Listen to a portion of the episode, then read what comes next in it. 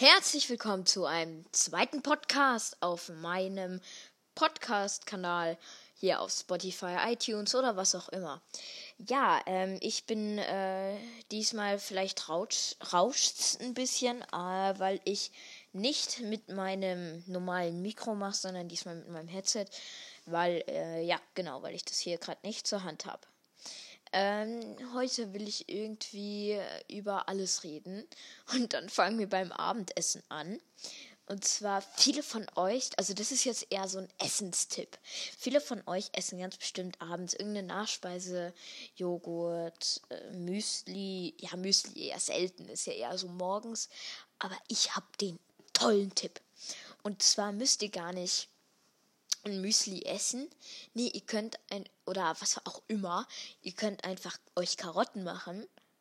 Und jetzt kommt der ultimative Tipp. Auch Gurken. nee, Spaß. Und, und das ist so Gurken und Karotten. Und jetzt kommt der wirkliche Tipp mit Humus. Macht einfach Humus dazu. So. Und das ist Humus, das gibt es eigentlich ganz oft. Ich, ich gehe hier gerade, latsche durch mein halbes Zimmer, muss die Tür zumachen. So. Gut, und jetzt latsche ich wieder zurück zu meinem Arbeitsplatz. Kurz Rollstuhl. So. Genau, und das ist der ultimative Tipp. Also ich glaube von euch, jetzt generell zu Hobbys mal, viele von euch werden ganz bestimmt äh, richtig viel Skifahren. Skifahren. Nee, immer sehr oft Skifahren, glaube ich. Und das ist, glaube ich, so, was man jetzt in dieser Zeit vermisst. Denn ja, man kann eigentlich so gut wie gar nichts machen. Man, man sitzt nur in der Bude, darf sich nur mit einem Freund treffen. Und die blöde Sache ist dann, wenn man sich dann mit einem Freund trifft, dass der sich dann mit jemand anderes treffen will und dann darfst du nach Hause, weil du dich nicht mit zwei treffen darfst oder willst. Oder zum Beispiel bist du in einer netten Gang oder in der bösen Gang, wer weiß. Und die treffen sich einfach zu fünft, zu, ups, ans Mikro gekommen, zu fünf, zu zehn, was weiß ich. Und du bist der, der sich an die Regeln hält und der, der dann keine Scheiße macht und nicht dazukommt. Und dann sitzt er alleine zu Hause zockst die, den ganzen Tag Fortnite oder was auch immer du gerne zockst und es ist einfach. Ah, und dann vermisst man alles. Man vermisst ins Airhop zu gehen. Das ist bei uns hier in München. Ich weiß nicht, ob es irgendwo anders ist. Man vermisst einfach überall hinzugehen. Airhop, ähm, Max Arena, äh, Urlaub. Genau, Urlaub. Zum Beispiel nach Berlin. Ich, ich war mal in Berlin, das war richtig geil. Da, da ist ja eine Madame Tussaud, das ist richtig geil. Mit allen berühmten, auch äh, einem ziemlich, ja, nicht so tollen Menschen. Äh, Trump dazu, noch ein anderer Mensch, den ich jetzt hier nicht erwähnen will in meinem Podcast.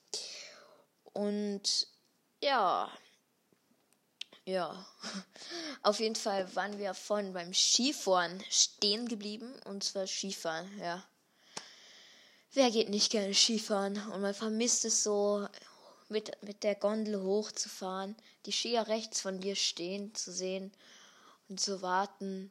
Ah, gleich bin ich oben. Ah, meine Ohren sind zu. Gähnen. Ja, genau, das vermisst man so. Aber eher die Abfahrt vermisst man. Und die Mutter oder die Frau, keine Ahnung, die dauernd nur Pictures macht.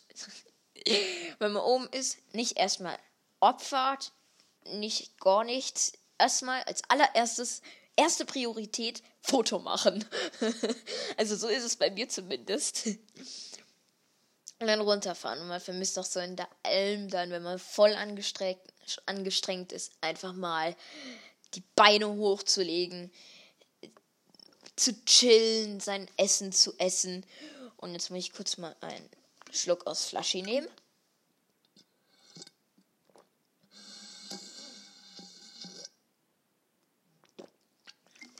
So. So, und jetzt können wir weitermachen. Und ja, dann wollen wir von geilen Hobby zu Corona-Hobby kommen. Und zwar lesen. Viele lesen von euch ganz bestimmt. Und ich habe da jetzt so eine Buchempfehlung. Sogar eins, zwei, drei. Okay, wir, ich würde sagen vom ältesten Buch zum zweitältesten und dann zum neuesten. Und zwar, das älteste Buch ist Fear Street. Das ist mega geil, so von Eiskalter Hass von R.L. Stein. Ja, keine Ahnung. Äh, Fear Street generell einfach. Das ist eine Riesenserie mit über 30, äh, über 30 Bändern von Ahnungslos bis im Visier, Teufelsfrische, teuflische Freundin. Und ja, sehr spannend. Tipp Nummer 2 von mir Bodyguard. Das ist eine Buchserie, 400 Seiten pro Buch. Äh, man denkt so, scheiße, das will ich nicht lesen. Kein Bock. Nein, viel zu lang. Dabei muss man, also da, wenn du, wenn man die ersten 200 Seiten hat, hörst du nicht mehr auf und kaufst dir ein Buch nach dem anderen. Sozusagen eine Sucht, aber eine positive Sucht. Und dann gibt es die Geisel, das Lösegeld, der Hinterhalt im Fadenkreuz, der Anschlag und die Entscheidung. Und da geht es einfach um einen Jungen, der Bodyguard ist. Und ja, der, das ist eigentlich ein ganz geiles Buch mit actionreichen Sachen. So, dann gibt es hier noch äh, das letzte Buch, das neueste, sogar auf Besteller Platz 1, Spiegelbesteller. Und äh, das ist von Paluten, den habe ich schon angesprochen. Geil, ganz guter YouTuber. 4,2, ah nee, jetzt sogar 4,3 Millionen Abonnenten. Läuft ganz gut bei ihm. Viele Spiele, Minecraft, Freedom Squad, GTA, alles, alles, alles in Programm. Und der hat jetzt sogar ein Buch geschrieben. Und äh, das heißt, äh, die Schmahamas-Verschwörung. Das ist aber, glaube ich, sein letztes. Ich weiß nicht. Ich glaube, die bauen. Auf jeden Fall bauen sie nicht zueinander auf. Da gibt es zum Beispiel noch Schlamassel im Weltall und der Gol Gollum-König. Ach so, ja, genau. Ja, nee, das. Ich glaube, der Gollum-König wird eines der ersten sein. Auf jeden Fall vor äh, die Schmahamas Verschwörung. Das ist. Die, diese Bücher sind einfach spitzenmäßig. Vielleicht fehlt da so ein bisschen so er, er war total aufgeregt. Sein Herz klopfte bis nach oben. Aber es ist, ja, ziemlich lustig, das Buch. Und ich kann es nur empfehlen. Und ich, ich bin ja noch in der Schule und wir haben vor kurzem eine Klassenlektüre gemacht. Und die heißt Ocean City. Jede Sekunde zählt von RT. Lol. Ah ne, RT ist was anderes als RL von Fear Street. Und das heißt Ocean City, jede Sekunde zählt, wie schon gesagt. RT Akron. Und da geht es um einen Jungen, der seinen Freund verliert. Und weiter habe ich noch nicht gelesen. Nicht Spaß. Ähm, da seinen Freund verliert. nee. Ja, der seinen Freund verliert. Und ja, okay, das war's jetzt mit den Tipps. Und dann kann ich nur noch empfehlen, dass das ähm, Fortnite noch zu spielen. Genau, Fortnite. Jetzt wollte ich noch zu Fortnite kommen. Dieses Game ist einfach mega, mega suchtpotenziellig. Aber ich spiel's. Aber ich suchte es nicht, weil mein Nintendo, also ich spiele auf Nintendo Switch und der, der Nintendo Switch, der ist bei mir schon seit äh, fast drei Wochen äh, kaputt, schon länger, viel länger. Rechter Controller, Schrott und äh, ja, überhitzt dauernd, weil die Lüftung, die extra für den Nintendo ist, einfach Schrott ist und einfach nicht geht. Und ja, pff, was soll ich denn dann noch zu sagen? Fortnite, eigentlich geht es ja nur um Fortnite. Ach, da kommt gerade eine Mail und zwar eine Bearbeitungs-App. Ihr möchtet, ihr filmt gerne, ja, ihr filmt mega gerne, ihr seid die größte Filmer oder ihr braucht eine Bearbeitungs-App, die wirklich richtig wichtig ist. Und ihr habt ein äh, Apple-Gerät, da könnt ihr dann einfach bei App Store, äh, okay, ich mache jetzt hier vielleicht ziemlich viel Werbung, aber ich meine, es lohnt sich. Videoshow eingeben und es ist so eine geile Bearbeitungs-App. 2018 oder so war das sogar die beste Bearbeitungs-App der Welt. Und also die ist mega geil. Nur, dass da viel, viel Geld kostet, aber alles Wichtige wie ein paar Special Effects, Feuer, was weiß ich noch, ist das alles kostenlos.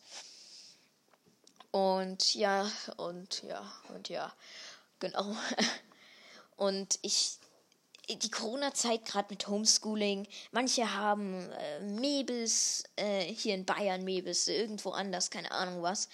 Und das ist richtig stressig, weil dauernd irgendwas überfordert ist. Und das ist, das verstehe ich vollkommen, wenn man dann hier äh, während des Unterrichts spielt. ähm, zum Beispiel wurde ich vor kurzem erwischt beim Spielen. Und zwar äh, habe ich gespielt und dann sagt äh, plötzlich der Lehrer so, ähm, aha, Milchshake? Nicht Spaß, also ich heiße ja nicht Milchshake, aber so, so nenne ich mich. Milchshake? Wieso spielst du ein Spiel mit dem roten Auto? Okay, Autospiel? Richtig. Ich habe ein Spiel mit dem roten Auto gespielt. Da, da hat er vollkommen recht. Aber das Auto war nicht rot, sondern grün. ja, und wie der draufgekommen ist, ich war einfach irgendwie so inkompetent und habe meinen Freund für fünf Sekunden, der saß neben mir mit 1,50 Meter Abstand, man darf sich ja zu zweit treffen, saß neben mir und äh, hat äh, mitgeguckt. Äh, habe ich kurz gesagt, ja, ich hole mir jetzt kurz ein Müsli, bis gleich.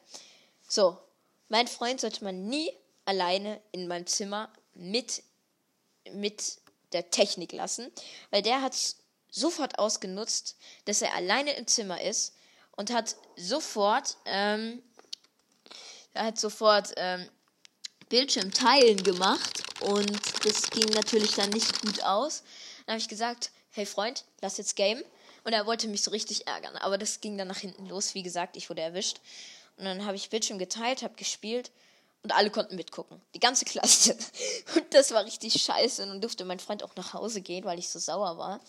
Und am nächsten Tag haben wir uns dann wieder getroffen und äh, er war in seinem Meeting, 1,50 Meter Abstand mit, mit Kopfhörer. Ich war in meinem Meeting, auch mit Kopfhörer. Dann hat er gesagt, ich hole mir jetzt ein Müsli. Genauso wie ich, irgendwie. Und dann hat er es wirklich gemacht.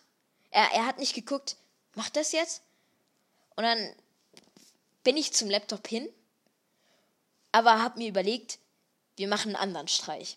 Weil der gestern war also richtig hart. Der, der hat mich wirklich ja, äh, ans Ende meiner Karriere gebracht. ähm, und dann habe ich äh, sein, äh, sein Mikro ausgemacht und so eingestellt, dass man das ohne technischen Genie nicht mehr entsperren kann, dass man dann gar nicht mehr im Rest des Meetings reden kann. Und dann wurde er aufgerufen, hat drauf gedrückt. Es stand dann halt da, dass, ähm, dass er reden kann. Dann hat er sich tot geredet und irgendwann mitten in seinem Satz der Lehrer, Hi, äh, du, wir können dich nicht hören. Sagst du irgendwas? Und er so, hä? Mein Mikro ist doch an. und dann hat er mich so richtig böse angeguckt. Ich habe gelacht, ich konnte mich nicht mehr halten. Und dann habe ich es ihm so schnell wie möglich wieder eingestellt und hab dann hat er natürlich gesagt, ja, technischer Fehler. Und das war hart für mich, hart für ihn und äh, so, und wir haben angefangen mit dem Essen und jetzt hier endet es dann mit einem Streich gegen meinen Freund und mein Freund gegen mich. Ich hoffe, euch hat's gefallen. Bis dann. Haut rein und tschüss.